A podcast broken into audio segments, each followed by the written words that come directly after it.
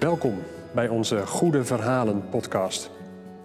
In deze serie beluisteren we een aantal Bijbelverhalen als verhalen uit de crisis. Verhalen die uit de nood komen en daarmee ook bedoeld zijn voor die situaties waarin de dingen wankelen. Misschien wel bedoeld voor mensen vandaag, voor ons. Wat houdt jou op de been? Zo'n verhaal. Net wat we nodig hebben. De eeuwenoude kracht van de kerk is dat ze verhalen levend houdt. En dat ze die oude verhalen in iedere tijd opnieuw koppelt aan de levens van mensen hier en nu. De Bijbel vertelt verhalen, namelijk omdat het mensenbestaan niet zomaar even in één beeld te vangen is, niet zomaar even in één theorie onder te brengen, niet zomaar even weer te geven in een aantal punten onder elkaar. Een mens is nooit te vangen. Er is altijd meer, het hele scala van je afkomst, je geschiedenis, je karakter, je verlangens. En zo is het ook met de God van de Bijbel. Ook die is niet in een dogma te plaatsen, niet in één mooi religieus wereldbeeld. Maar hij, ja, zoals de Joodse traditie dan zegt, Hashem, de naam, Adonai, die ene. Als je iets over hem wilt zeggen, dan moet je hem vertellen. Dan moet je het verhaal vertellen, de vele verhalen. Nu is er met deze Bijbelverhalen iets bijzonders aan de hand. Die zijn namelijk geboren in de crisis. Dat zijn geen verhalen uit een gemakkelijk, comfortabel bestaan. Niet bedoeld om zomaar wat over het hogere te filosoferen. Nee, verhalen die in de nood geboren zijn. Neem het boek Genesis, het eerste Bijbelboek. Over het ontstaan van die teksten is eigenlijk maar weinig met zekerheid te zeggen. Waarschijnlijk uh, ontwikkeld in een langdurig proces van doorvertellen en overschrijven. Maar men vermoedt wel dat ze gecomponeerd zijn tot één geheel, dus uiteindelijk op schrift gesteld, in de Babylonische ballingschap. We schrijven 6e eeuw voor Christus. De legers van de grote wereldmachten zijn over het kleine Canaan heen gedenderd. Jeruzalem is verwoest en een belangrijk deel van het volk is in gevangenschap gevoerd. En nu is het in die crisis, in die ballingschap, dat de verhalen opgediept worden. Juist daar en dan moet er verteld worden. Israël komt uit de verwoesting, leeft in totale onzekerheid, kijkt om zich heen en knippert nog met de ogen om alles wat er gebeurd is, als het ware, en begint dan te vertellen. Klassiekers, bijvoorbeeld over een Abraham en een Sarah, twee ouden vandaag die opgewekt worden om, om op te staan en op weg te gaan naar een nieuwe toekomst. Of over een Jozef in de put. Dat zijn dus allemaal verhalen uit de crisis. Niet zomaar even gemakkelijk voor de een of andere religieus geïnteresseerde, maar noodzakelijk, omdat het moet, om het vol te houden. Als wij hier nu eens van uitgaan, als dit waar is, als wij nu inderdaad die verhalen vandaag lezen, wij mensen 2021, in de wereld waarin wij leven, wat betekent dat dan wel niet? Hoe actueel klinken ze dan? Wat is dan wel niet hun zeggingskracht? Ik lees voor u uit het boek Genesis. Dit is wat de hemel en aarde voortbrachten toen zij geschapen werden.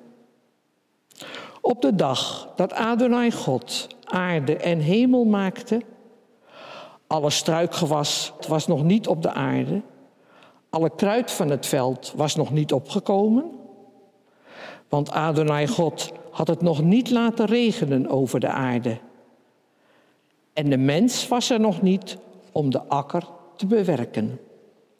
Maar vocht kwam op uit de aarde en doordrenkte heel het oppervlak van de aarde. Toen vormde Adonai God de mens, stof van de akker. Hij blies de levensadem in zijn neusgaten. Zo werd de mens een levende ziel. Adonai God plantte een tuin in Eden, in het oosten.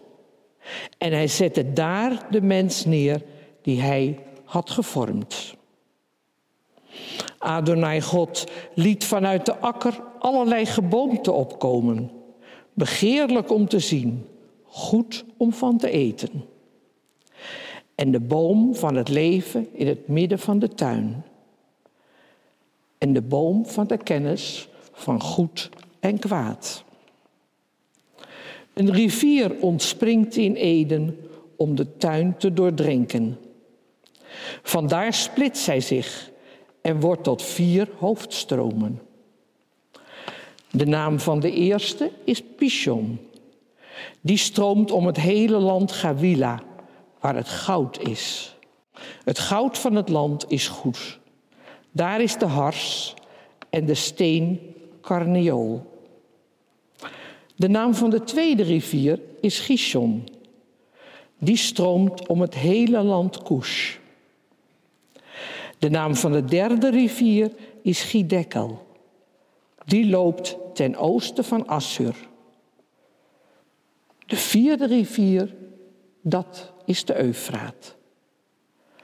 Adonai God nam de mens en plaatste hem in de tuin Eden, om die te bewerken en die te behoeden. De tekst gaat over menswording, zo zou je het misschien kunnen zeggen. Wat is er nodig om werkelijk mens te worden?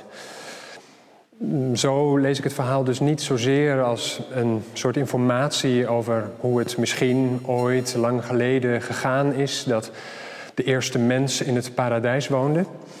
Maar ik lees het dus als een schets van hoe het hier en nu voor ons is. Hoe wij zijn, wat wij nodig hebben. Hoe zijn wij bedoeld? Wat is onze bestemming? Het heerlijke antwoord op die reusachtige vragen luidt dus kennelijk dat de mens in een tuin is. Dat is de kern. Zo zijn we bedoeld. Dat we opbloeien en dat het leven goed is. En het mooie aan, aan dat beeld van die tuin is, vind ik, dat het staat voor veiligheid. Die tuin, dat is in de woordwereld van de Bijbel um, een omheinde plek waar je veilig bent. Dat is dus even iets anders dan de natuur. wij kunnen misschien soms eh, de natuur ingaan en dat is dan inspirerend, dan voelen we ons fijn. Maar in de Bijbelse wereld is de natuur veel eerder bedreiging. De natuur, dat is bergen en woestijn, dat is hard en onherbergzaam.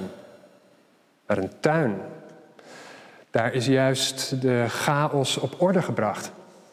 Dat is een plek waar je kunt opademen, omdat je nu juist even niet in gevaar bent. En het komt erop aan, namelijk omdat die mens zo kwetsbaar is. Die valt zomaar ten prooi aan van alles en nog wat. Kwetsbaarheid. Dat wordt dan weer uitgedrukt met die beeldspraak van het stof.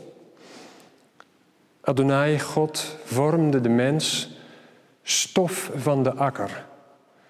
De mens is van stof gemaakt, of liever gezegd, meer nog, hij is stof. En dat wil zeggen, hij is er, maar hij is ook zomaar weer weg. Dat stof staat voor onze broosheid. Dat we maar zo heel kwetsbare mensjes zijn. Dat is trouwens ook wel heel erg de ervaring van nu. Stof is de mens. Maar wel, God zij dank, een levende ziel door de adem van Adonai, die bijzondere God van dit verhaal. Die levensadem die hij je in de neusgaten blaast. Zo dus. Dat is, om zo te zeggen, de kern van het mens zijn in dit oude verhaal. Zo is het de bedoeling dat de mens leeft en dat het een goed leven is. Hoe kwetsbaar ook, beschut binnen de omheining van die tuin. Maar nu krijgen we over deze tuin nog iets anders te horen, namelijk waar die ligt. Het lijkt even een detail in het verhaal, het eh, voelt ook een beetje als overbodige informatie. Maar hiermee krijgt het verhaal juist een diepere laag. Er klinken allemaal namen die een beetje mythisch en bijna sprookjesachtig aandoen. De Pichon stroomt om het hele land Gawila, waar het goud is. Maar dan zijn er ook ineens namen van plaatsen en rivieren die voor de schrijvers van het verhaal zelf maar al te herkenbaar zijn. In het oosten, ten oosten van Asser, de rivier de Eufraat. Maar dat is nu juist precies Babylon. Dat is nu precies waar die ballingen zitten, terwijl ze het verhaal opschrijven. De rivier de Eufraat, daar kijken ze als het ware op uit, terwijl ze het verhaal vertellen. En dat is spannend. Wat ze om zich heen zien is ballingschap, crisis, het leven zoals het niet moet wezen. En wat ze vertellen, dat is een tuin. Een beeld van, ja, zo is het goed. Zo kunnen we mens worden.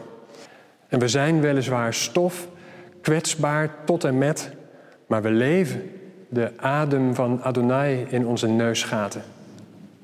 Dat is wat ze vertellen, terwijl de realiteit is dat ze de adem juist ontnomen wordt.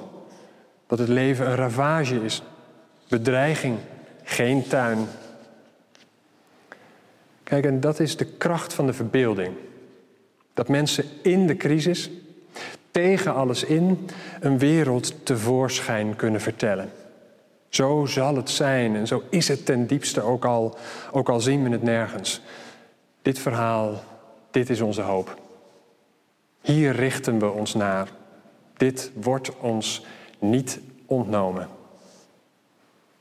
Zo staat het, als ik het dan goed lees, tussen de regels geschreven.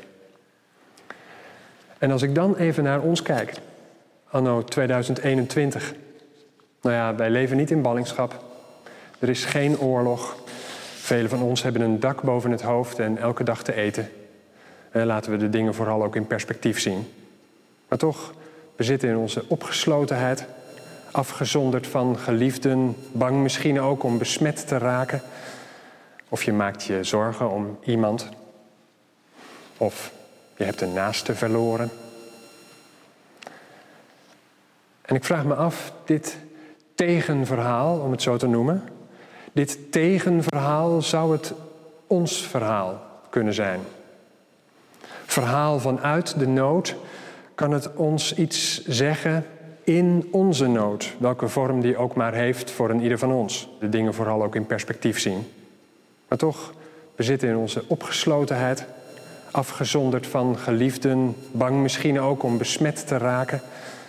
Of je maakt je zorgen om iemand. Of je hebt een naaste verloren.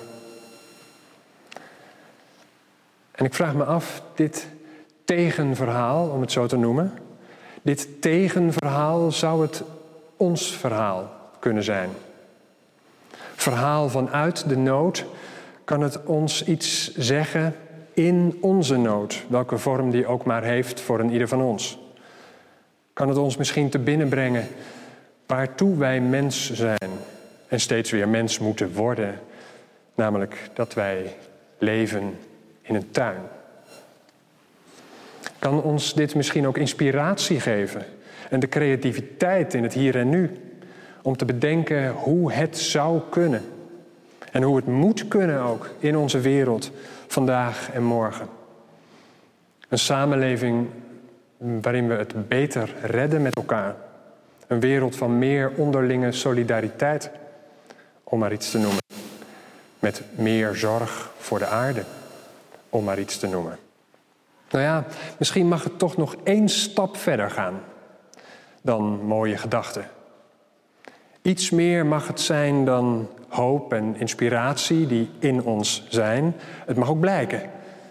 Het verhaal tekent namelijk niet alleen maar een mooi plaatje, maar heeft het ook over verantwoordelijkheid. Adonai God nam de mens en plaatste hem in de tuin Eden om die te bewerken en die te behoeden. Met andere woorden, ja, doe iets. Speel ook je rol erin. Je bent er ook om, om te behoeden en te bewaren. Er ligt ook de taak om, ja, nu ook wij, iets van de chaos te bedwingen. Om nu ook voor elkaar die wereld een beetje tot een tuin te maken. Dat het leven goed zal zijn.